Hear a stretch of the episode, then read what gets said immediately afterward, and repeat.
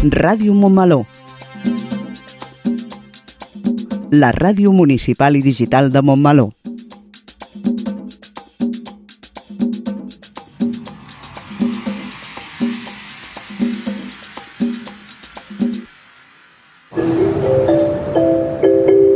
Propera parada, Montmeló.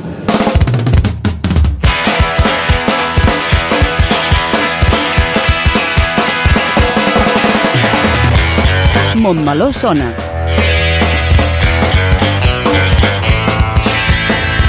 El magazín informatiu de Ràdio Montmeló.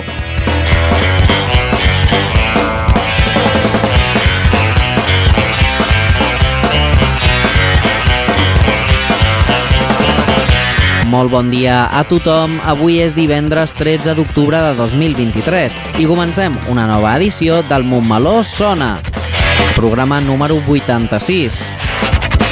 Aquests dos primers programes d'octubre estan quedant molt terrorífics. La setmana passada vam parlar del Festival de Cinema de Terror i aquesta setmana no parlem de cinema però sí de literatura de terror.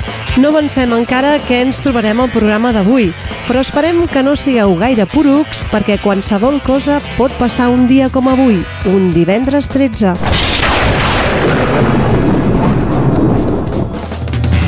Montmeló Sona és el magazín informatiu setmanal de Ràdio Montmeló, coordinat per l'equip de comunicació de l'Ajuntament. Avui ens acompanya la Maria Costafreda al Toquem el 2 i l'Oriol Contreras a la secció de consum.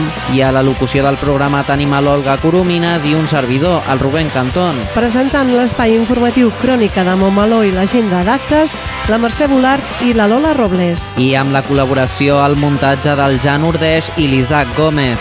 I una vegada fetes les presentacions, passem al sumari de continguts que tenim preparats pel programa d'avui.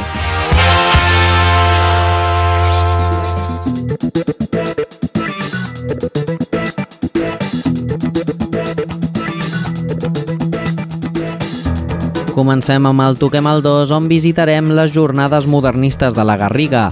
La Maria Costafreda entrevistarà a l'Àlex Valiente, regidor de Turisme de l'Ajuntament de la Garriga, perquè ens ampliï la informació. Seguirem amb el nostre espai informatiu Crònica de Montmeló, on farem un repàs de l'actualitat del nostre poble. Després farem una ullada a l'agenda d'actes que podem trobar els propers dies a Montmeló. Tot seguit entrevistem a un amic de la ràdio, l'Aitor Guerra, presentador de Micro i Acció i col·laborador del Montmeló Sona. Torna a l'emissora per parlar del seu llibre.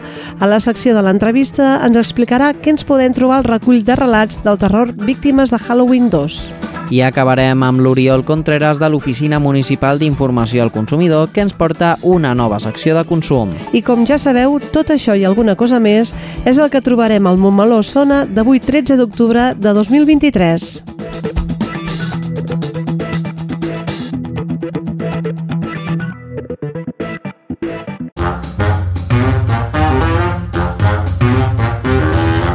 Montmeló sona, el magazín informatiu de Ràdio Montmeló.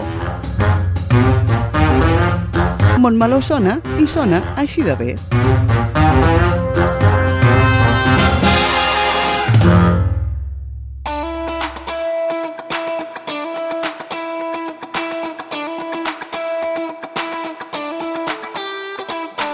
Iniciem el Toquem el 2 i, com sempre, amb les nostres recomanacions d'oci i cultura.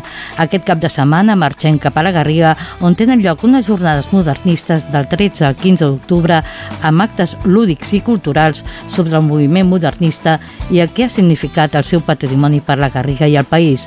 La música sempre hi té un paper destacat en concerts de música de l'època amb espais emblemàtics del patrimoni garriguenc. Música, història i patrimoni, doncs, van de bracet en el decurs de les jornades. Durant el cap de setmana també es fan visites guiades, conferències i lectures dramatitzades, entre d'altres activitats divulgatives. Fet aquest petit resum, serà ara Àlex Valiente, regidor de Turisme de l'Ajuntament de la Garriga, qui ens explicarà molt millor en què consisteixen aquestes jornades modernistes. Bon dia, Àlex, i moltes Bon dia. gràcies per la teva presència a Ràdio Montmeló. No, gràcies a vosaltres, més faltaria. Quins són els orígens de les jornades modernistes de la Garriga, Àlex? Bueno, doncs està clar que la Garriga eh, eh, creix i es nodreix d'aquest modernisme que vam tenir, no? d'aquesta època modernista, que va canviar nos, la, la fesomia del nostre, del nostre municipi. Per tant, el que es pretén amb aquestes jornades és recordar aquest, aquest canvi que, que hi ha a la Garriga a partir del, dels anys del 1850, més o menys, que fa el que fa que a la Garriga comenci a aparèixer als visitants i, i, i l'estiueig al nostre municipi i això fa que canvi tot el que és la dinàmica del nostre municipi. Des de quan tenen lloc aquestes jornades modernistes i quin balanç hi feu? Doncs per nosaltres fa uns anys ja que, que s'estan fent uh, aquí a la Garriga i és cert que durant els últims anys, els últims 3-4 anys, s'ha impulsat més aquestes jornades modernistes. Per nosaltres eh, són capdals perquè donen a conèixer això, donen a conèixer el patrimoni de, del nostre del nostre municipi, no? I per tant per nosaltres eh, això, no? Per nosaltres el balanç és molt positiu perquè a part s'implica la societat civil, eh, tenim a les activitats que no organitzem només l'Ajuntament de la Garriga, sinó també eh, organitzem eh, amb l'Associació de la Garriga Modernista i amb algunes col·laboracions, com per exemple la Fundació Martí Lomà i l'Espai la, la Filanda, que col·laboren amb activitats que, que fem allà en el nostre municipi, o el Cinema Alhambra, que també és una joia del modernisme. Què ens podem trobar aquests dies a la Garriga dins de les activitats organitzades a motiu de les jornades modernistes, Àlex?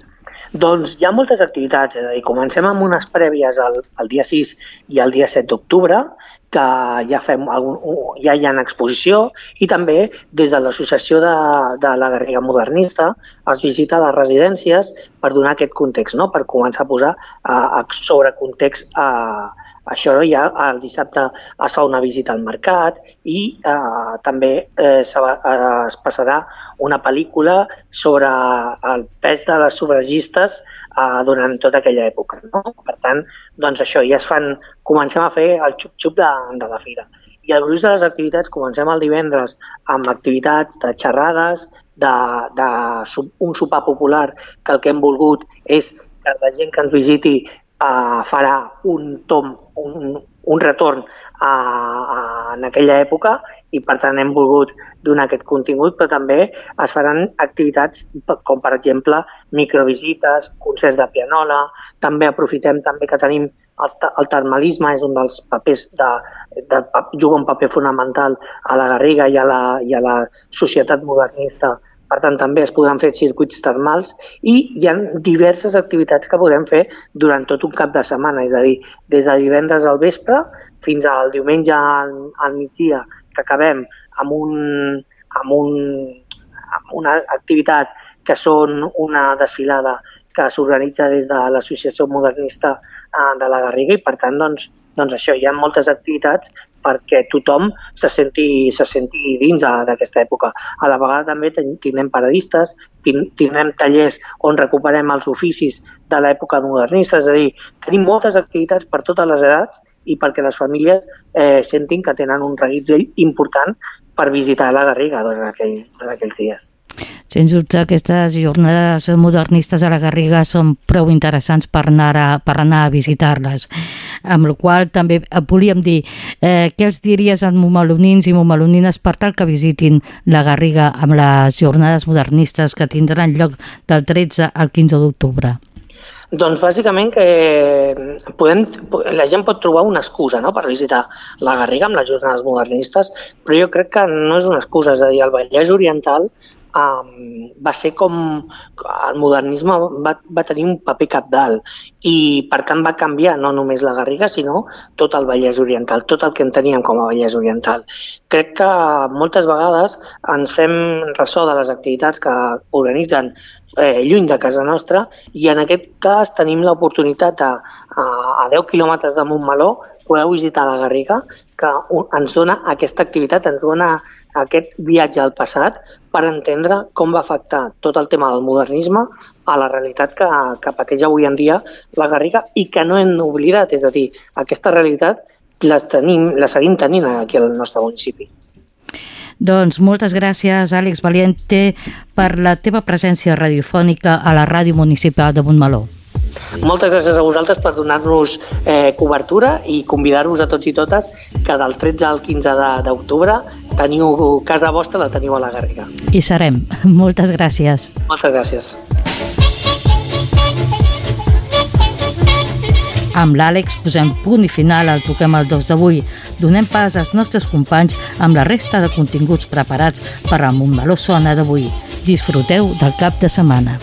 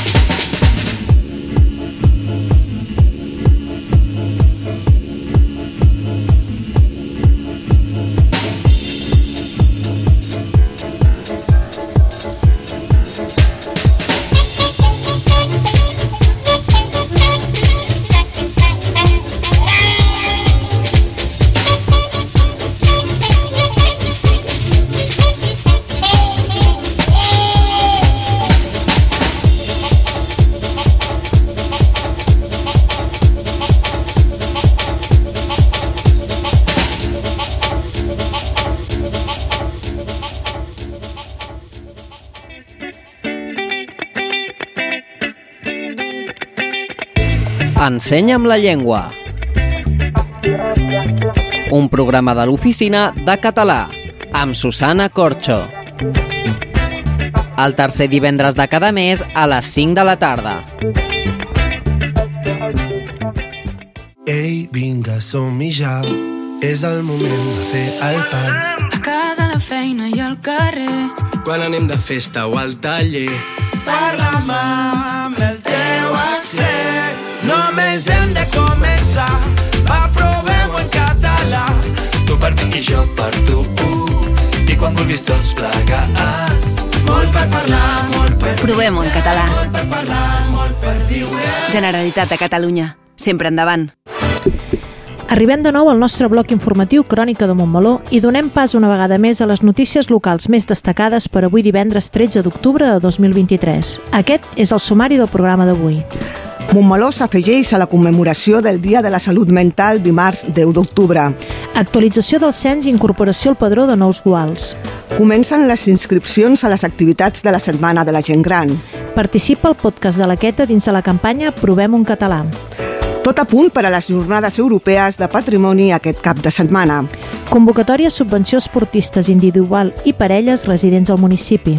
Encara queden números per a la renovació del DNI el proper 16 d'octubre. Prova de sirenes de risc químic del Pla Secat. A més d'aquestes notícies, us parlarem sobre els actes previstos per aquests propers dies.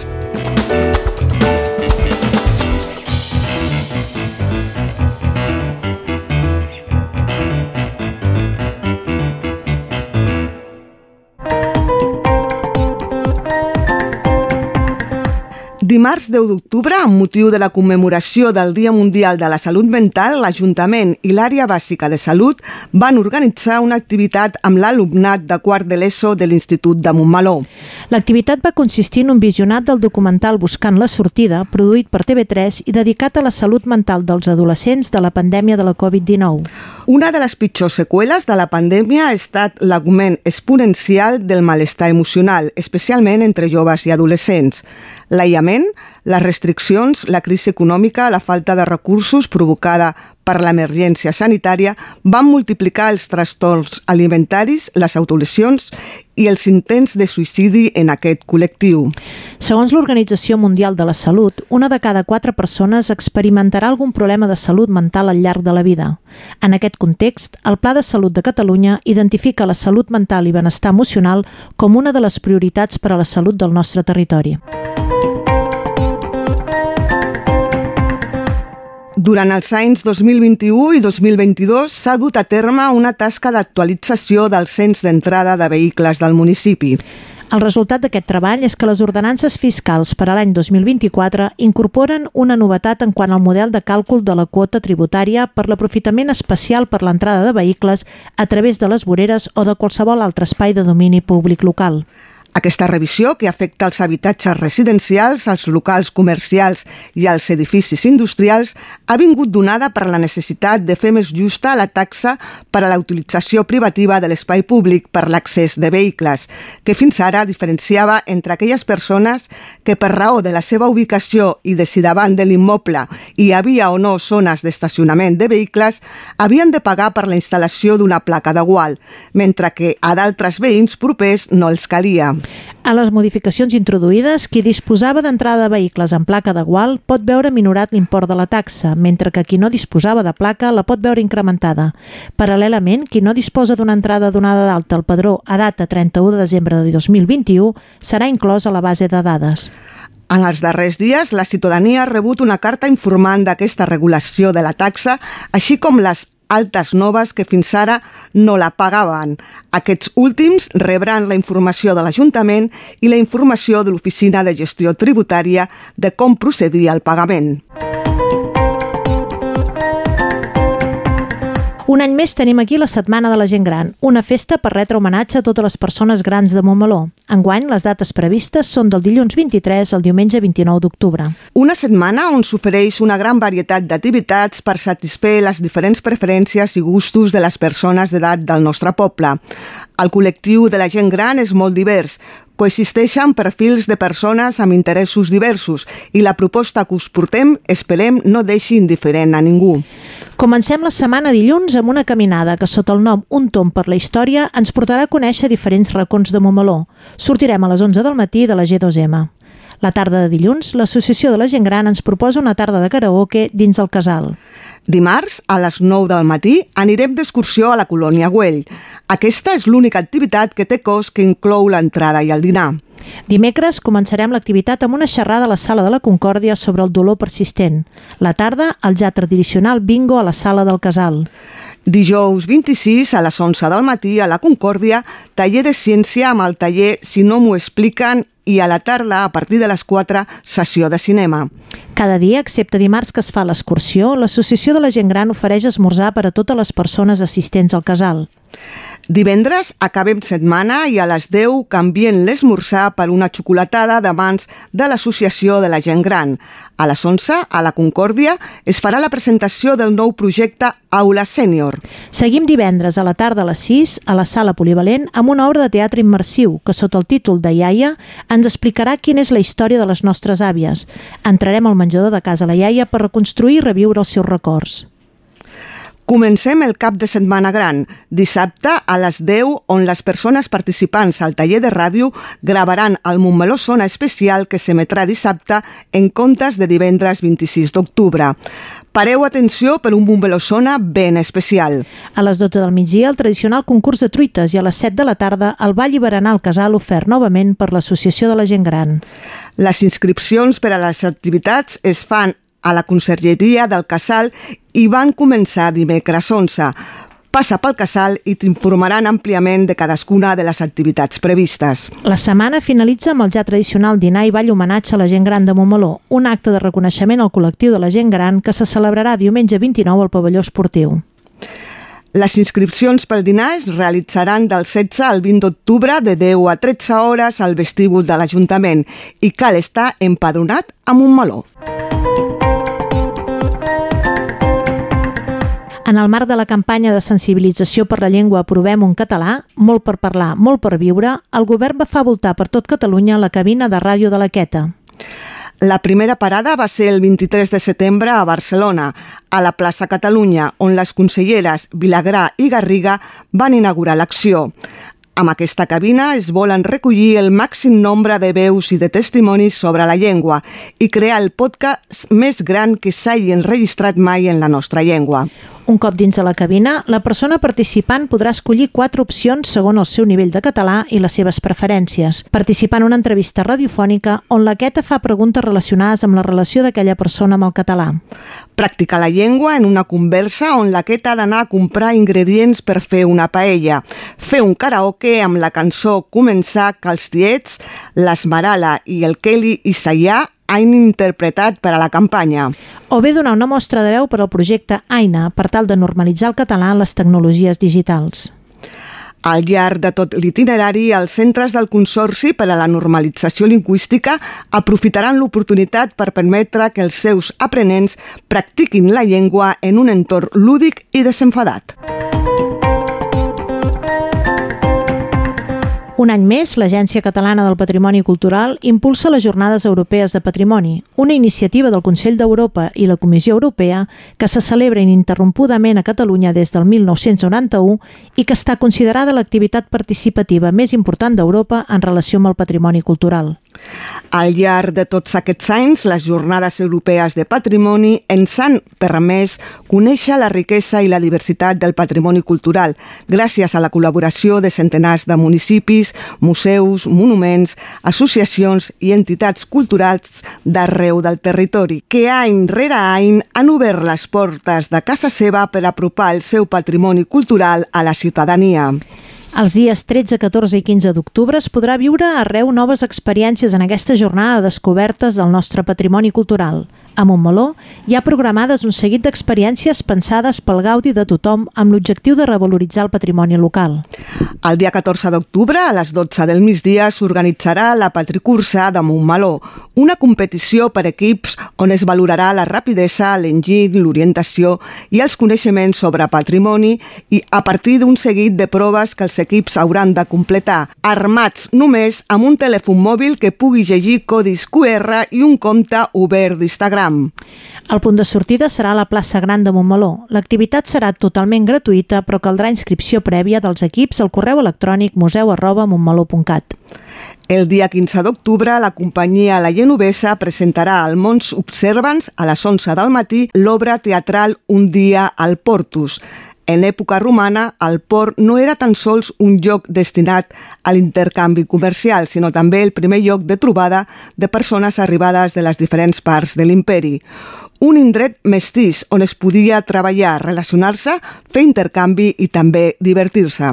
I coincidia gent de tot arreu i de diferents estrats socials, viatgers, descarregadors, comerciants, pescadors, mariners, curiosos, patrons, esclaus... Tots poblaven l'indret i formaven un ventall humà que val la pena conèixer. L'activitat pretén donar-los vida i mostrar la diversitat i el bullici d'un port a l'antiga Roma. I alhora veurem que no hem canviat tant i trobarem analogies entre la vida d'ahir i l'actual. L'activitat serà també gratuïta, però tindrà un aforament limitat. Caldrà fer reserva a la pàgina web de l'Entràpolis. En finalitzar la representació teatral hi haurà una visita guiada al jaciment romà de Mons Observants. Del 6 al 24 de novembre es poden presentar les sol·licituds a la convocatòria de subvenció per a esportistes individual i parelles residents en municipi. Les instàncies s'han de presentar a l'Oficina d'Atenció a la Ciutadania. Podran sol·licitar la subvenció les persones físiques residents a Montmeló, practicants de disciplines esportives en categoria individual que participin en esdeveniments oficials i que no tinguin un contracte professional per fer-ho. Es contemplen les competicions esportives oficials, així com en programes i o concentracions de tecnificació per la millora de les seves condicions individuals i que no es trobin incloses en cap altre programa municipal de subvencions. En aquest cas, les persones que hi vulguin optar han de complir els requisits de les bases i han de presentar la documentació exigida, formulari de sol·licitud de la subvenció en omplert, fotocòpia del DNI, documents que justifiquin les despeses de l'any 2022 que vulguin acreditar i documentació acreditativa dels mèrits alegats. Un cop finalitzat el termini, la documentació entregada serà avaluada segons els barems establerts a les bases i es resoldrà la convocatòria. El servei d'obtenció o renovació del DNI és una prestació que ofereix la Policia Nacional a diferents poblacions. Per tal de gaudir del servei d'obtenció o renovació del DNI a Montmeló, els veïns i veïnes interessades han de concertar cita prèvia per les dates fixades per l'equip mòbil de la Policia Nacional que es desplaça a Montmeló per efectuar el tràmit. La persona titular del DNI haurà de compareixer obligatòriament en la data indicada per realitzar el tràmit dues vegades, un dia per aportar la documentació i un altre per recollir el nou DNI.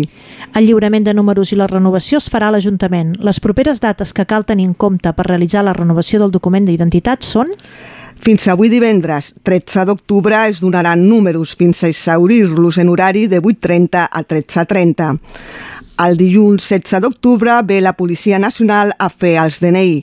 Imprescindible presentar la documentació adient.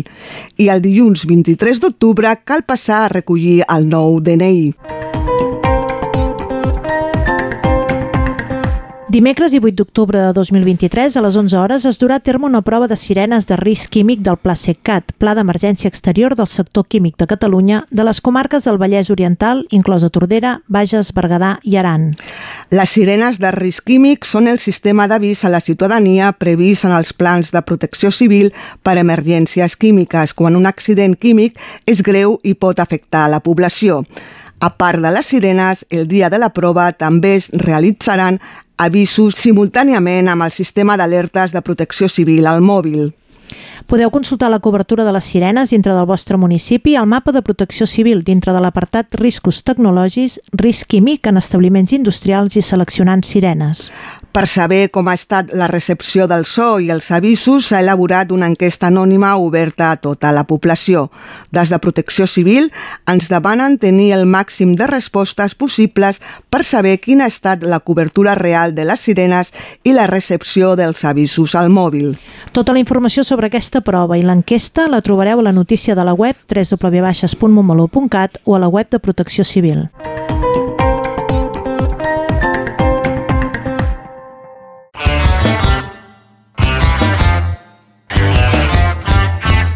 Iniciem el bloc de l'agenda d'activitats culturals previstes des d'avui divendres i fins diumenge 22 d'octubre. Aquestes són les activitats programades. Avui, a les 6 de la tarda, a la sala polivalent La Torreta, iniciem les sessions de cinema familiar en català Cinexic, amb la col·laboració d'Òmnium Montmeló i el Consorci per a la Normalització Lingüística, Oficina de Montmeló. Neu i els arbres màgics, quatre històries al voltant de la natura i els arbres amb personatges entranyables que parlen sobre l'enginy, l'amistat, el respecte i l'alegria de viure la natura. Pel·lícula recomanada a partir de 4 anys. L'entrada és gratuïta, però cal reserva prèvia a la web d'entrapolis.com. Dissabte 14 a les 12 del migdia a la plaça Gran, dins la celebració de les Jornades Europees de Patrimoni, el museu ens proposa la Padricursa, gincama familiar per equips. Es tracta d'una cursa per conèixer el patrimoni del nostre municipi gràcies a un seguit de proves que cada equip haurà de completar. L'activitat és gratuïta, però té l'aforament limitat i cal inscripció prèvia al correu museu arroba montmeló.cat. Diumenge 15, una nova edició de la Marxa Nòrdica, amb sortida a les 9 del matí des de la porta de l'Ajuntament. Activitat oberta a totes les persones que vulguin iniciar-se en aquesta tècnica tan senzilla i saludable. Si no tens bastons, te'ls deixem. El mateix diumenge, a les 11 del matí, a Mons Observants, dins el marc de les Jornades Europees de Patrimoni 2023, un dia al Portus. Es tracta d'una obra teatral a càrrec de la companyia La Genovesa. Escenes sobre la vida diària en un port de la Roma clàssica, l'entorn, l'enrenou i tot allò que arribava d'arreu del món. La jornada es complementarà amb una visita guiada a dos quarts d'una. L'activitat és gratuïta, però té aforament limitat i cal inscripció prèvia a la web d'entrapolis.com. A partir de les 5 de la tarda, una nova proposta de l'Associació Gent Gran de Montmeló amb la tarda de bingo al casal. Dilluns 16 s'inicien les inscripcions al dinar de la gent gran al vestíbul de l'Ajuntament del 16 al 20 d'octubre, de 10 a 13 hores.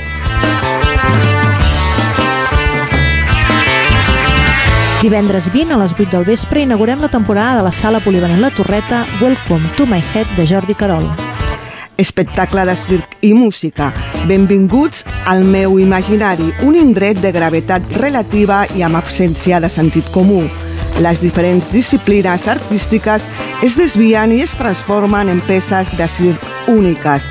Malabars amb micròfons, ninjitsu amb patins, llançament de discos vinils, human beatbox, etc. Amb un ritme frenètic i molt d'humor, Querol sorprèn amb una miscel·lània de malabars excèntrics i beatbox bufó. Les entrades s'han de comprar a través de la web d'entrapolis.com i per conèixer els abonaments i descomptes consulteu la web de la Polivalent dins la web de l'Ajuntament. Diumenge 22 a les 11 del matí, a l'Amfiteatre de la Torreta, l'Escola Fordan Center ens porta la mostra de tardor. Presentació del curs 2023-2024 amb una petita mostra de dansa de l'alumnat de l'escola i presentació de l'equip docent. A les 5 de la tarda, a la sala polivalent La Torreta, el grup Xarxa Montmeló ens porta un nou espectacle de teatre familiar. On vas, Moby Dick? Del centre de Titelles, Lleida. A en Tim li agrada molt veure el mar, per això sempre que pot visita la seva àvia al seu poble de pescadors. Allí coneixerà la Calín, una nena de la seva edat que li explicarà la història de la Moby Dick. Tot jugant i fent volar la imaginació, en Tim i la Calín reviuran les aventures de la gran balena blanca per lliurar-se dels serpons del capità Ahab i seguir nedant lliure pels set mars. Les entrades s'han de comprar a la web d'Entràpolis al preu de 7 euros pels adults i 4 euros pels infants. No volem tancar l'agenda sense avançar-vos dues activitats per a la setmana vinent que necessiten inscripció prèvia. Dijous 26, des de les 5 de la tarda fins a les 9 del vespre, la sala polivalent La Torreta, donació de sang. Apunteu-vos a la web del Banc de Sang www.bancsang.net. El mateix dia, a dos quarts de set de la tarda, a la G2M, una nova sessió participativa oberta a tota la ciutadania per treballar el nou Pla de Mobilitat Sostenible, amb la presentació de la fase de propostes. Cal inscriure'ns prèviament al correu mobilitat arroba montmeló.cat. Doncs això és tota la informació municipal que teníem per explicar-vos avui. Tot això i algunes coses més les podreu veure, sentir i llegir a les xarxes municipals, al web montmeló.cat o a l'agenda mensual.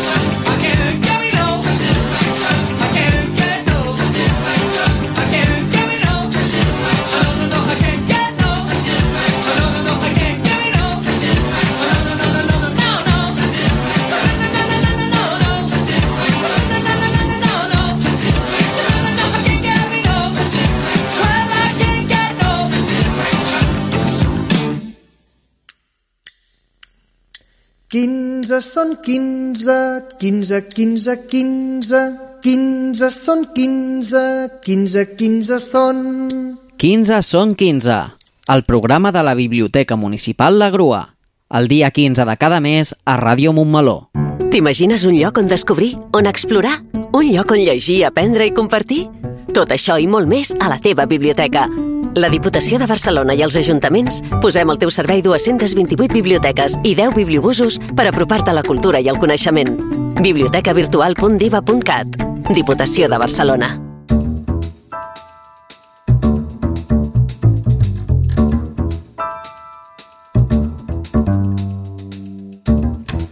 Ja hem arribat a l'octubre, més que molta gent relaciona amb la fantasia, la màgia i, sobretot, el terror.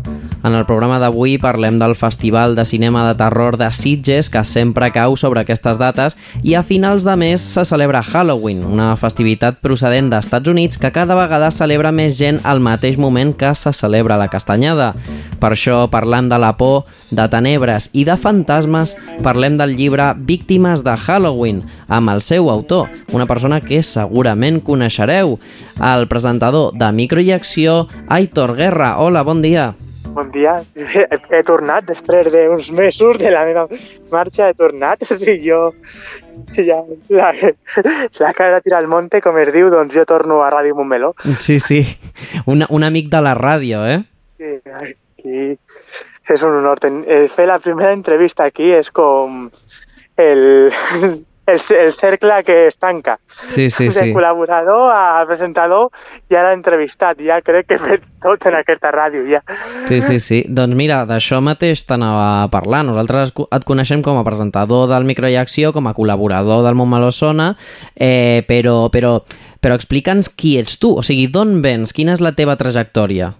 Doncs, com el, millor molts dels, dels espec bueno, espectadors o oients del, de micro i acció sabran, jo vinc del món del cinema, d'estudiar cine, d'estudiar guió i també de fer una mica de, de vídeo publicitat, de coses, d'aquest- coses més per, una mica també per internet i coses d'aquest estil.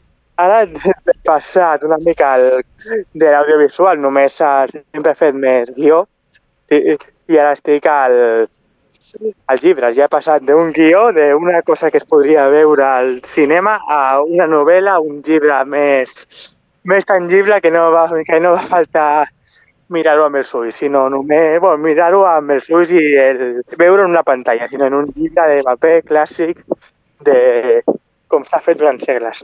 Uh -huh, exacte, et coneixem d'estar involucrat amb el món del cinema i, i com que has anat a parar a escriure un llibre? O sigui, com ha sigut l'origen de crear-lo? Doncs ha sigut una cosa una mica estranya. Doncs jo sempre, des de molt petit, sempre m'ha agradat escriure. Sempre he estat escrivint petits contes o petites històries que o anava a presentar sempre que hi havia concurs per Sant Jordi i tot, me em presentava per, amb històries que sempre han sigut el mateix, el mateix tema que hem, hem parlat abans, fantasia, terror, Mm. tot molt d'aquest món estrany, que saps que a mi m'agrada molt. Doncs eh, sempre he estat aquí, doncs va arribar un moment que em van dir un professor, perquè no t'has entrar a concursos de microrelats i de coses d'aquest estil per veure si hi ha sort? Doncs um, això va ser no, fa, fa molts anys, no, crec que 5, 6 anys o inclús més. Doncs vaig... No, això va començar fa molt. O sigui, vaig anar participant, en alguns vaig tenir sort i vaig publicar un, com un relat i algunes coses. I doncs en un d'aquests va ser una editorial, editorial que ara fa aquest llibre. Va passar tot el temps i jo fins i tot o sigui, me'n vaig oblidar de, de que vaig quedar finalista i que va estar ja publicat. Doncs fa uns mesos em van escriure a ells dient que els hi va agradar el relat i que si tenia una altra cosa perquè publicarien aquest any un llibre de relats més llargs per provar per provar una altra, una altra cosa, un altre relat. Llavors jo vaig dir, sí, jo, saps que jo m'apunto un bombardeo, com, com es diu, llavors jo Sí, vaig dir, sí. sí, sí, eh, d'una, em, em, em vaig, a, vaig fer-ho vaig estar pensant en la idea i vaig agafar una idea d'un curtmetratge que vaig fer fa uns, fa uns anys, abans de, durant la pandèmia i tot, i doncs de moment ja l'he enviat, està, ja, ja quan li vaig enviar els va agradar molt, la gent quan els explico doncs els agrada, és una història una mica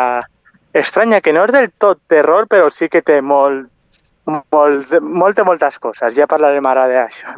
Sí, però és, és una cosa una mica rara i, va, i ha agradat molt i ara està que es publica es publica ja, la venda comença eh, crec que el 2 d'octubre, uh -huh. està, estava abans en preventa i ara està ja a la, a la venda que es pot demanar per internet o es pot demanar en qualsevol llibreria.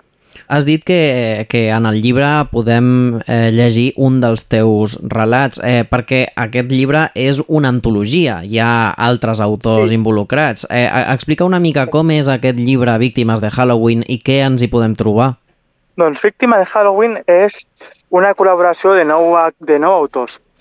Cada autor don, don fem un relat diferent, una història de terror de diferents subgèneres, diferents de, de diferents coses que parlem de, de un parla de ninots assassins, ninots maleïts, una nina maleïda, al, a un terror psicològic, altres són relats curts posats que amb una mateixa temàtica i tot amb diferents punts de vista, sobrenatural, eh, slasher, eh, terror psicològic, thriller, malediccions, està tot posat per llegir aquesta nit de Halloween i poder veure i poder, i poder gaudir de passar-ho malament, passant terror i disfrutant dels de els sorolls que poden fer a foscor mentre llegeixes aquest llibre. Eh, veiem que t'agrada molt el terror, bueno, ja, ja ho sabem d'escoltar de, el programa Micro i Acció i bueno, també eh, es confirma veient que, que el, el llibre que has publicat és una antologia de terror, però per què terror? Què és el que t'atrau tant d'aquest gènere? Doncs el, bueno, so, no, no només a mi, són nou persones diferents que fem això. Uh -huh. Llavors cada persona ha fet com la seva versió del terror, el seu com el seu gènere o la seva visió del món, doncs a mi el que m'atrau del terror és les possibilitats que hi ha. Perquè eh, ja es pot fer des d'una comèdia, des de fins i tot un drama, o parlar d'una crítica social molt gran sense tenir que, que fer les coses tradicionals. Jo, a part del terror, la fantasia, ho veig com una forma de de parlar d'un món real des d'una forma irreal. Mm. Podem posar exemples que no són que, no, que, que són realistes, però a la vegada, a la vegada pot ser un, un monstre que representa el racisme, com pot ser la, una pel·lícula com Get Out, que, tothom coneixem, que parla mm. del racisme d'una forma així, o, de, o, altres, o moltes coses diferents que, que hi ha des, del, des de diferents punts de vista, drames, drames molt forts que es fet des del terror, com violència masclista, es poden fer d'una forma més explícita i quedant bé, i, quedant, i, que, i que no quedi tan no sé, brusc, no sé, mm. i és com molt... És un gènere que està molt eh, desprestigiat, però hi ha moltes pel·lícules i moltes històries i moltes novel·les que el que fan és parlar del terror que hi ha a la societat. El terror és el gènere més antic que hi ha perquè tothom ha tingut por algun, algun cop. Tothom és el, la primera gran emoció més forta que es pot veure. A part de la felicitat i la tristesa, la, el terror és molt, és molt, molt fort. I llavors és una, és una emoció també molt difícil perquè al ser tan primària, tothom té una por diferent.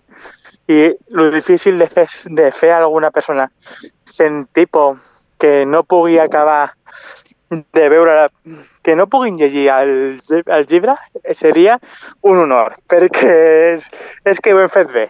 Mm. Que és el que atrau de tot això, saber que ho fas, que la gent passi por, encara que sigui un sentiment dolent, eh, t'agrada, perquè és com... És una mica de, de saber que la gent pot sentir coses eh, molt estranyes. Hmm. I ens pots explicar de què va el teu relat, més o menys? Sí, el meu relat es diu Pinchos i parla de d'una influencer del, que es queda perduda en, un, en una carretera, de una carretera solitària que només hi ha una casa antiga enmig del no-res. És la, una gran influencer que, que està a punt de rebre un premi i no pot anar a l'entrega de premis, no pot fer res perquè està perduda sense bateria en el mòbil i arriba a una casa que és un restaurant. Un restaurant antic, lleig, que és tot el que ella odia. Mm. A l'entrar en aquest restaurant es troba un submón molt estrany, molt, tot, molt eh, inus- inusual per ella, un món rural, un món eh, un món que no, que no sap viure en ell. Llavors, mm. la col·lisió de dos mons tan estranys, el, an- el antic i el modern, una influencer con un home de poble que no ha sortit d'allà en tota la seva vida, i també els secrets que oculten en, en el restaurant, perquè és un restaurant tan antic i té molts secrets i coses que, que faran els misteris d'aquest restaurant que es diu el Mesón de Juan. És molt interessant i molt, i aterrador. Toca molt el tema del, també des d'un punt de vista una mica més còmic, perquè hi ha situacions una mica surrealistes, però el mateix eh, cop fa, la, fa el terror del, de les coses tan estranyes que passen quan les averigues i quan tornes a veure tot des de la realitat que és, et quedes molt sorprès i entens molt el que passa. I com havia parlat abans, això parla de, és una mica un drama de la societat actual, la, el que diu l'Espanya l'Espanya buidada, mm. tot el que hi ha sense poblar i, tot, i com la gent viu només a ciutats i també l'addicció a, les, a les xarxes socials. Com una influencer que fa tot amb el mòbil, es queda sense el mòbil i allà comencen les seves aventures i com el mòbil li porta el... allà, perquè tot és culpa de la tecnologia. I llavors és la, el gran problema de l'actualitat i del relat. I d'on et va venir la idea d'aquest relat? Com va ser el procés de creació d'aquest? Doncs aquest relat va venir fa, fa uns anys, era un curtmetratge que no es va poder realitzar per tema de la pandèmia, però va ser una idea que va vindre a partir d'un article que, que no puc dir perquè és un spoiler, però eh, ve des del, també de, que, de com l'Espanya buidada, com està, com la gent anava més a la ciutat, com els influencers i tot això començaven a fer coses que era el moment que lo del Caranchoa, Mm. Que quan els influencers ja es creien massa importants i feien coses que no tindrien que fer i es passaven les normes i ja la gent es començava a cansar. També la, la falsedat, del com eh, estaven, per, estaven portant tot el que no volien, totes les coses que deien en un vídeo que no els agradava una cosa i en el següent feien publicitat d'un producte així. I com eh, l'Espanya és eh, buidada, estava cada, cada cop més buidada i, el, i ells a lo millor feien vídeos que es burlaven de casos similars Mm. doncs em va donar la idea. També perquè en un de, en, jo de petit eh, vivia, bo, eh, vivia els estius en un poble que ara és, és un poble que no té quasi habitants, que tots són gent molt gran, i també la meva família tenia un restaurant. I allí vaig agafar la idea d'un restaurant tan clàssic que cada cop ve menys gent que, és, que de cop vingui una persona que és d'un altre món, com si fos un, perquè per ells una persona que, que diu que no saben, que no saben de què, que, a què es dedica Mm. ni per què es parla tan estrany ni, i és totalment el contrari a ells és com un alienígena llavors aquest, aquest xoc cultural em va agradar i és com de com fer-ho perquè quedi bé i quedi una mica és molt, és molt una mica de que no passaria però a la vegada arriba al punt d'una cosa realista, perquè hi ha moltes parts que serien que poden passar ara mateix en l'actualitat en qualsevol poble, en qualsevol restaurant. Ja has dit que havies publicat algun relat que havia guanyat algun concurs, però com et sents d'haver publicat un relat específicament creat per a un llibre? Doncs la veritat és que va ser una gran emoció perquè és... va ser estrany perquè al principi era com massa sentiments junts de ara que no m'ho esperava per res, era ara què faig? O sigui, com, què, cre, què, què, puc, què puc fer ara? Perquè és, perquè és com de no ho vaig demanar jo, m'ho van demanar a mi i va ser com quan si, si ho demanessis, si ho jo ja tinc la idea creada, ja tinc tot eh, fet i vaig i em diu, ah, doncs sí, ah, doncs no. Però ara era com de no hi ha en, eh, t'ho demanem a veure si tens alguna cosa, pots escriure en, en aquest plaç de temps. I era com, ostres, ara què faig? Doncs va ser una, molt nervis, però després va ser, va ser quan ja vaig acabar el relat, va ser un, un de, estic orgullós del que he fet. Mm. Al principi era com de no sé si estic fent bé, perquè era com de, de sentiments de ho estic fent bé, estic, és, el que puc, és el millor que puc escriure, tota una mica de perfeccionisme, però mm. al final estic molt orgullós, estic un, sento que tinc moltes ganes de poder tenir-ho en paper a la meva mà i poder dir, mira, això ho he publicat, això ho tinc aquí i això ho puc llegir ara quan vulgui ho poden llegir tothom les persones que coneix, que conec, que ho pot llegir les meves filles com, mira, quan ho llegeixis, sabràs que això ho he llegit, que es podrà... És com... Eh, una, és el meu llegat, una mica de que mm. la gent ho podrà llegir durant segles, o sigui, quan podrà, ja podran estar allà i és com he fet una cosa que perdurarà més que jo. Mm -hmm. Per acabar, ens pots recordar com podem eh, trobar aquest llibre, on el podem comprar? Sí, també, eh, aquest llibre es podrà comprar a qualsevol llibreria demanant el llibre que es diu Víctimes de Halloween 2, que hi ha un... I llavors el, es podrà per internet a la pàgina de Diversitat Literària, es busca el títol del llibre i sortirà en llibre de víctima de Halloween i es podrà comprar des d'internet o des de la pàgina de l'editorial o des de qualsevol llibreria. I també ja volia donar la, una mica una, una exclusiva aquí de, uh -huh. que ja després d'aquest relat que es publicarà, que, que es publica ara, en desembre es publicarà la meva primera novel·la, que Ostres! ja, sí, ja portava temps treballant Tenim en ella. Tenim exclusiva a Ràdio Montmeló. Sí, aquí una mica de notícies d'última hora, bueno, sí, que sí. vam, però que Llavors, a desembre es publicarà, és una novel·la de fantasia que mescla molts subgèneres, molt, moltes coses d'un tema més fantàstic sense abordar el terror ni res. És més... Co, és, una, és una història de policies fantàstic es dirà el, el Círculo Oculto i la Corona Maldita. És una, és una primera part d'una com una saga i també té molta comèdia, molta acció, molta fantasia, molta més que qualsevol llibre que escrit, qualsevol cosa que he escrit. I és una cosa que té molt... És una mescla de moltes coses rares mm. i, i està i en un moment la gent que ho està començant a llegir una mica de, de que li dono un, un capítol que li agrada bastant perquè té tocs molt, molt raros. És una cosa que crec que ho ha fet poca gent aquest estil, mesclant tipus narradors diferents i coses molt rares i ja, i ja diré més en un futur. De moment només puc dir això. Doncs moltes gràcies, Aitor, per passar-te un altre cop més per la ràdio. Gràcies a tu.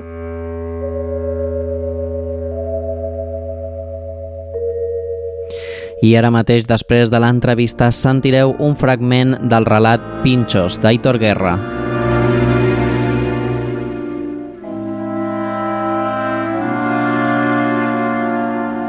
La joven rubia miraba sonriente al espejo del retrovisor mientras acababa de retocarse el pelo y se miraba los labios perfectamente. Al ver que estaba todo bien en su rostro, tomó el móvil de la guantera, se lo colocó enfrente suyo y comenzó a apretar botones hasta comenzar a grabar. Hola mis gotitas, comentó entusiasmada la chica mientras saludaba con su mano izquierda. Tengo una mala noticia, finalmente no podré ir al Delizzo y hacer un directo con su chef como prometí dijo la chica mientras cambiaba aquel rostro feliz por un puchero similar al de una niña pequeña.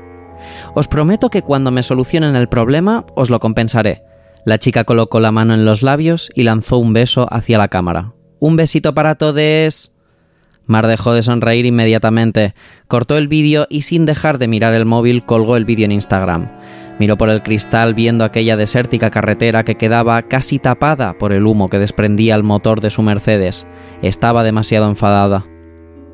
Tenía todo el día planeado para poder grabar diferentes vídeos, primero en el restaurante de moda de aquel cocinero que se había hecho famoso por la televisión. Después había quedado con sus amigas para poder ir juntas a la entrega de los premios Star, donde ella estaba nominada, y luego pasarían la noche en un hotel de lujo cercano. Pero ahora no sabía ni si podía llegar siquiera a los premios. Ya llegaba una hora tarde a la comida y le quedaban tres horas para poder ir a los premios que eran en el mismo restaurante. Puto coche de mierda, chilló mientras golpeaba con sus puños en el claxon. Puto restaurante que tiene que estar en el quinto coño y puto concurso que tiene que ser en un lugar de moda apartado de la gente.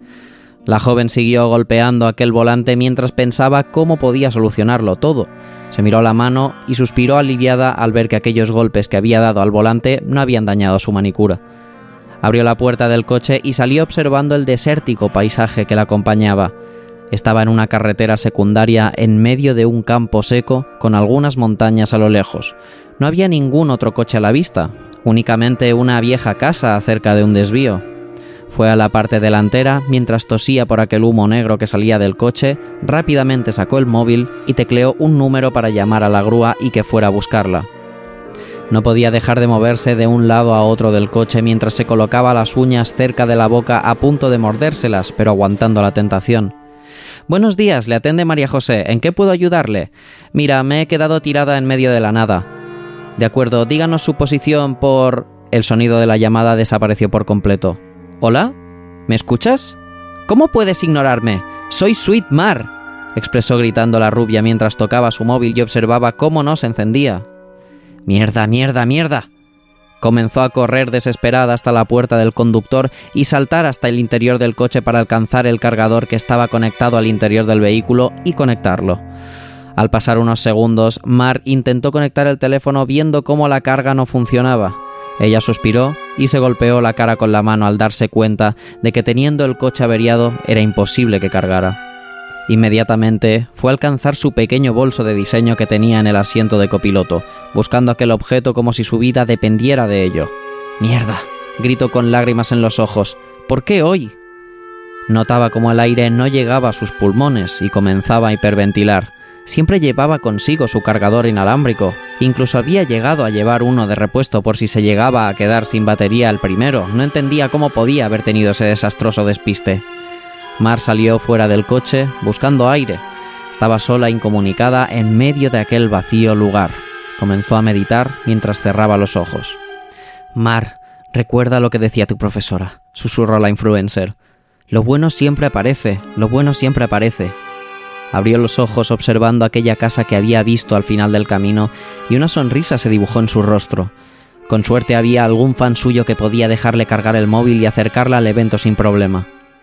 Comenzó a caminar deprisa intentando no torcerse el pie con los altos tacones que llevaba.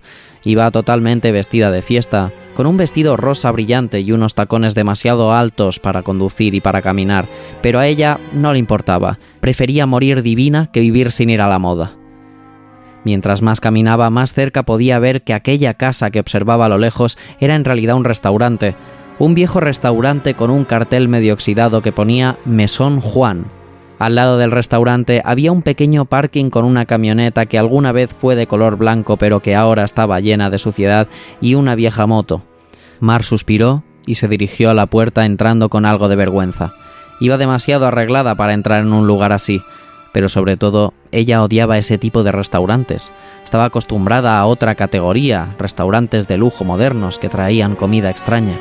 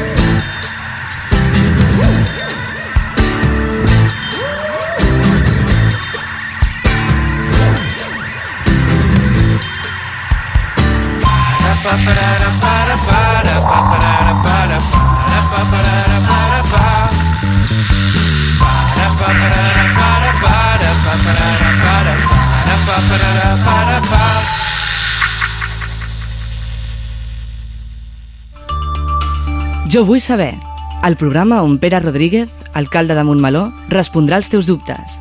Participa en directe a Instagram un dia abans del llançament o envia les teves preguntes fins dos dies abans a radiomó.montmeló.cat o amb una nota de veu al 637 150 702.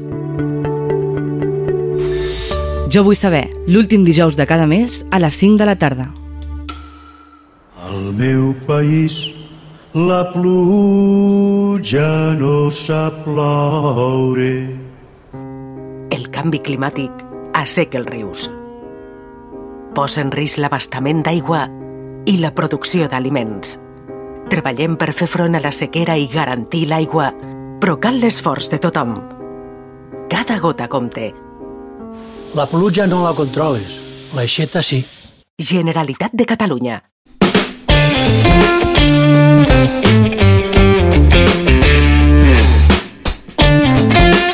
I un mes més eh, tenim amb nosaltres al Montmeló Sona a l'Oriol Contreras, de l'Oficina Municipal d'Informació al Consumidor. Hola, bon dia. Molt bon dia a tothom.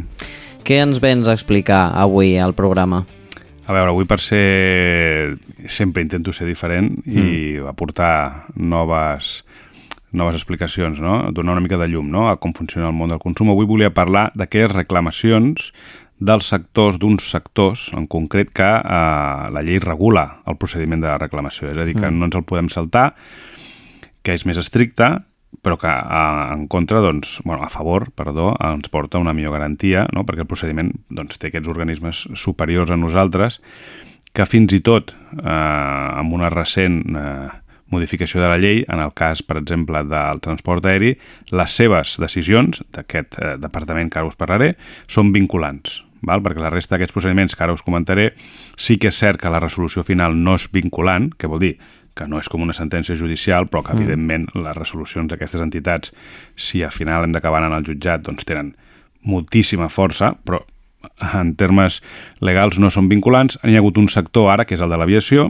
que les seves resolucions sí que són vinculants. Vaja, en definitiva, perquè potser ara he dit moltes coses, el que volia venir a parlar és d'aquests sectors en el qual la seva reclamació o procediment de reclamació està regulat. Mm. I quins són tots aquests sectors que estan més regulats? Uh, doncs, uh, en principi són uh, molt pocs, d'acord? Mm. Uh, ens porten molta garantia, però són molt pocs. Així és com, per exemple, reclamar una botiga, doncs, per veure la, la diferència. No? Reclamar una botiga doncs, es fa la mediació a través de l'oficina del consumidor Uh -huh. i si no funciona la mediació, doncs llavors directament o vas a la, a la via judicial o no tens res més.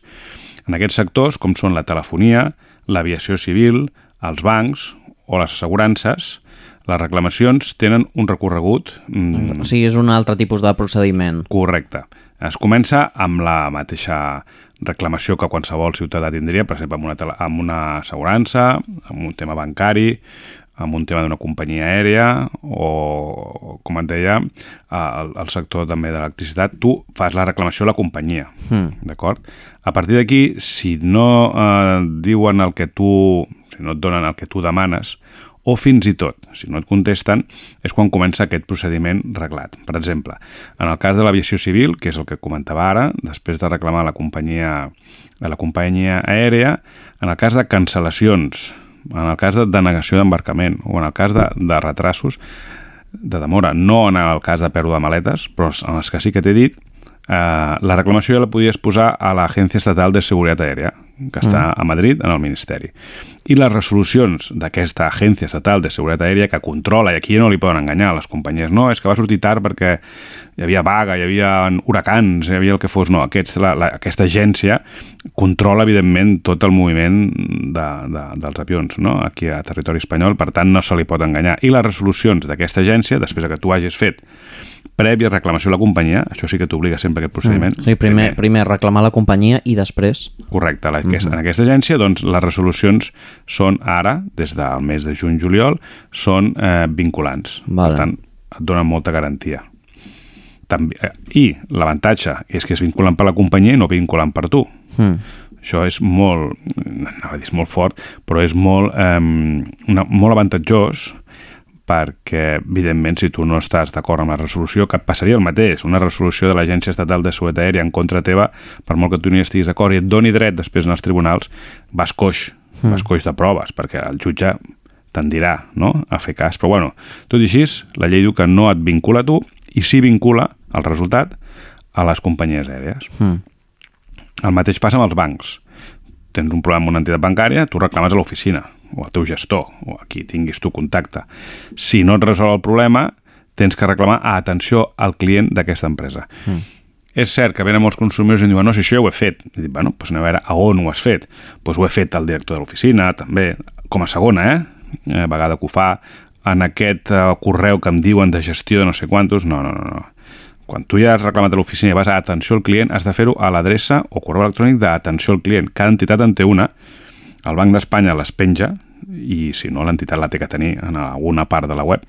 Mm. S'ha de dir que no és fàcil localitzar-les. Clar, tot això, eh, vosaltres des de l'OMIC guieu a la persona que tingui... Perquè, clar, trobar el, el lloc exacte on has d'anar a reclamar també pot ser complicat. La nostra tasca en aquí ja no és tant mediar, Exacte, vale. sinó assessorar de com la, el ciutadà pot mm. arribar a fer aquest camí. Sí. Vale? Doncs, com deia l'entitat bancària, primer l'oficina, després a atenció al client, i si no et contesten en el termini de dos mesos o el que et contesten no, no estàs d'acord, pots fer o defensor al client, que és una figura externa a l'entitat bancària, perquè atenció al client és de la pròpia entitat, però el defensor al client és una figura externa, un abogat de prestigi, que diuen, Mm.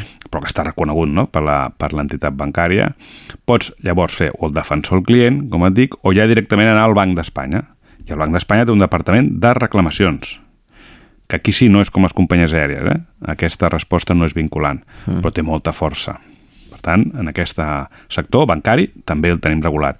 El mateix passaria amb la, les assegurances, reclamaries a l'atenció al client o de la pròpia companyia asseguradora i si no a la Direcció General del Seguro Vale. a Madrid. Val? Mm. I amb les companyies d'aigua i gas i llum tenim, per exemple, el Departament d'Energia de la Generalitat, doncs que allà on no arriba la mediació de l'Oficina del Consumidor, el Departament d'Energia pot, no? tot i que és més lent, és més llarg, perquè és un departament per tot Catalunya i té moltíssima feina, pot arribar a prendre una decisió amb més força que la mediació que insistim, que, que, que, intentem, que intentem nosaltres. Uh -huh. Llavors hem dit que aquests sectors serien l'agència aèries? Aèries, només per companyies aèries. de, de vols. Uh -huh. eh, entitats bancàries, eh, assegurances i, per últim, hem dit... Les, el consum energètic, tot el tema Consum de energètic. elèctriques. Mhm. Vale, doncs totes aquesta, tots aquests sectors eh, tenen com aquesta manera per reclamar de manera que tinguis... Dona un avantatge. Sí, dona que tinguis un, més avantatge. Més garanties. Més final, garanties, no? exacte. És un procediment que has de conèixer millor perquè té uns tempos concrets, té uns terminis concrets, té unes direccions concretes, no? té una manera de fer més específica que la típica mediació en una botiga, en un comerç, eh? petit o gran, però que és, és, és més regulat. Llavors nosaltres el que ajudem és a, a donar a conèixer no? com funciona aquest sistema i guiar el ciutadà per fer aquesta reclamació. Lògicament, quan abans ens consulteu, abans podrem assessorar-vos. I si jo dic que després d'una oficina bancària la resposta d'una oficina bancària després el que hem d'anar és atenció al client, si tu vas a una adreça de correu electrònic o una adreça que et diguin que no és la correcta, estaràs perdent molt de temps. Mm. Perquè després hauràs de passar igualment per atenció al client. Exacte, si vols sí. acabar al Banc d'Espanya. Eh? És tota aquesta línia no? que, que no es pot... Eh, que no te la pots saltar. Mm. Hi ha alguna cosa més que vulguis afegir? Uh... No, sobre, sobre aquest aspecte res. El que volia remarcar avui és, és posar sobre la taula no? eh, la, la, la, la, la possibilitat de tenir més garanties però que s'ha de seguir un procediment. Mm. Llavors, eh, en cas de desconèixer, doncs l'oficina del consumidor el que fem, com dius, com dius tu, és acompanyar, informar, assessorar. S'ha de dir que el Banc d'Espanya, la Direcció General dels Seguros o l'Agència Estatal de Seguretat Aèria ja tenen en les seves webs, i també la gent pot intentar buscar informació perquè realment està ben explicada, eh? Mm. i els seus formularis, les seves adreces... Vull dir, aquestes webs estan, les webs d'aquests departaments estan bastant desenvolupades i tenen un contingut informatiu important. Però tot i així, doncs, estem nosaltres doncs, per assessorar a tots els ciutadans. Doncs ja sabeu, si teniu cap eh, reclamació cap a algun d'aquests sectors, doncs ja sabeu quina és la via que heu d'utilitzar i si teniu qualsevol dubte us podeu dirigir a l'Oficina Municipal d'Informació al Consumidor. Moltes gràcies. A vosaltres, fins la propera. Mantecao. Agua fría. Huevos fritos. Colacao. Mantecao. Calamares. Nu sur la plage, Chipirones. je joue du sitar. Bocadillos. Je sais, Mejillones. tu es accablé. Calamares. Chipirones. Bocadillos. Tu répètes sans cesse Mejillones. les mêmes mots. Beba Fanta. Chupa Chups. Beba Fanta. Chupa Chups. Ma musculature moyenne, acquise en Mayenne, te fait de l'effet. Tu es accablé. Sur la plage bondée, il est 10h15. Je marche dans la lumière. Tu m'aimes déjà, Fanta. mais tu ne le sais pas. Chupa Chups. Pan casero. Motifarra. Higo Tu répètes sans cesse les mêmes mots. Sobrasada. Pan casero. Motifarra. Je n'utilise mon peigne qu'une seule fois, Calentita. Pollo frito. puis je le lance sur toi. Vino tinto. Jamoncito. Calentita. Tu ne le ramasses pas. Pollo frito. Tu dis, Vino tinto. Jamoncito.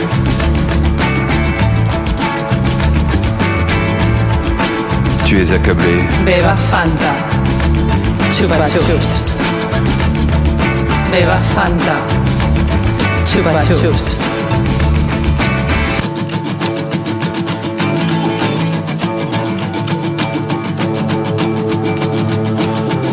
Un hippie qui s'approchait. Tu as souri.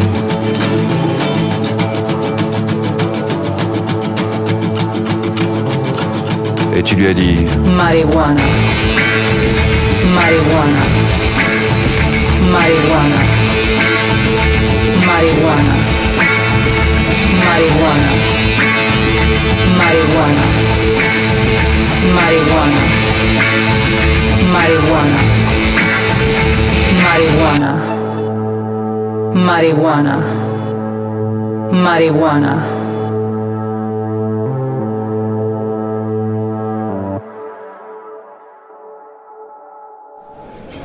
El primer diumenge de cada mes, acompanya'ns a Ràdio Montmeló a prendre un vermut amb Alex Atanes, Bruno Cáceres i un convidat nou cada programa.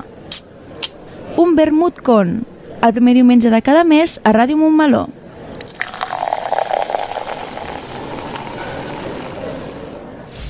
Corre. L'esport per mi ja és una forma de viure. Jo no em plantejo viure sense fer qualsevol tipus d'esport. Desconnexió. Deixar de banda tot el que hagi passat al llarg del dia i poder-me centrar en alguna que al final em fa feliç. Mou-te. L'esport t'ensenya a superar-te, a afrontar reptes i aconseguir els teus objectius. Uh, tinc tot el dret de poder patinar. Jo, quan era petita, no tenia referents femenins. Ara tinc a, a dones amb qui fixar-me i dir buah, jo vull ser com ella. Activa't! Realment hi han coses més importants que fer esport? És una part molt important de la nostra vida. Viu! No ho deixis perquè algun dia podries ser tu referent per a altres nenes petites. Fes esport, el que més t'agradi i sobretot no ho deixis. És superimportant en totes les etapes de la nostra vida. Corre, mou-te, activa't i viu. La Diputació de Barcelona amb l'esport femení.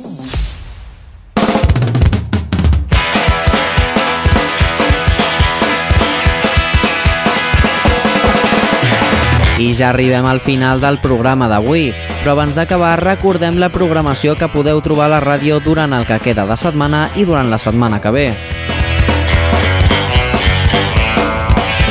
Dijous 19 a les 21 hores podrem escoltar un nou programa de Fora de Joc, el programa esportiu de Ràdio Montmeló amb els resultats dels partits disputats la setmana anterior i el calendari de la propera setmana.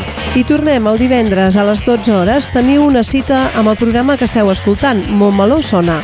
I més tard, a les 5 de la tarda, toca el moment d'aprendre sobre la nostra llengua amb la Susana Corxo, de l'Oficina de Català, amb una nova edició de Ensenya'm la llengua. I el dia següent, dissabte 21 a les 15 hores, torna 15 són 15.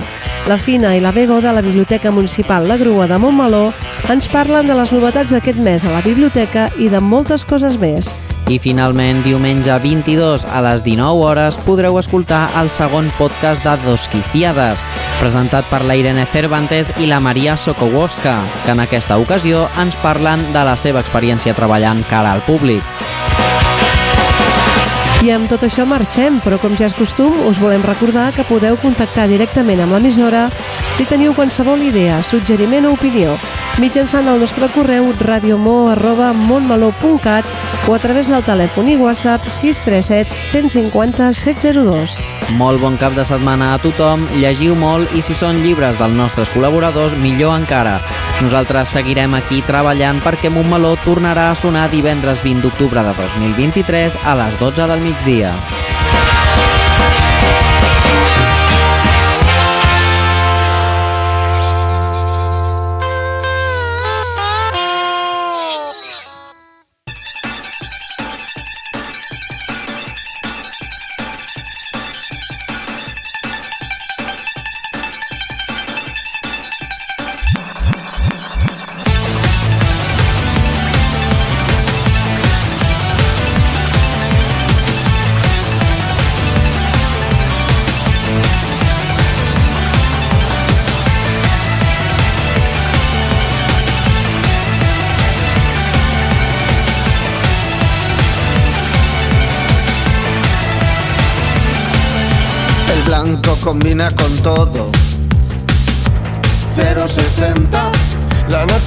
Es el deporte más completo. 060. La gente más humilde es la más generosa. 060. Los animales son más listos que las personas. 060. Frases de 060. Tengo para ti todas las que quieras. 060 un euro. No vale más que eso. Cosas que ya habías oído. Cosas básicas, obviedades. Frases que acaban en tía. Dan un bofetón a quien las diga. La dieta mediterránea es la más sana. 060 Las mejores baladas son de grupos heavy. 060 Los gays son súper sensibles 060 Todas las modelos son tontas. Eso no es 060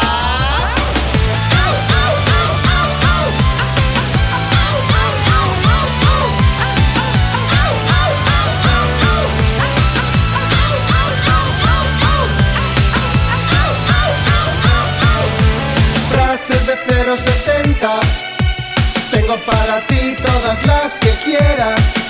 060 un euro No vale más que eso Cosas que ya habías oído Cosas básicas, obviedades Frases que acaban el día Dale un bofetón a quien las diga.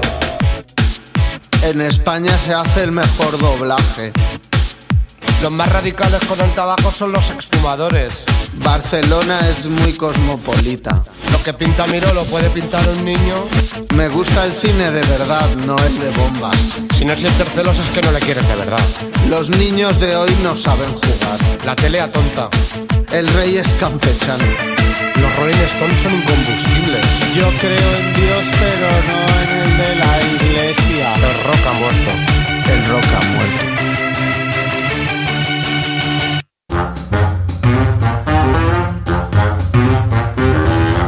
Montmeló sona, el magazín informatiu de Ràdio Montmeló. Montmeló sona i sona així de bé.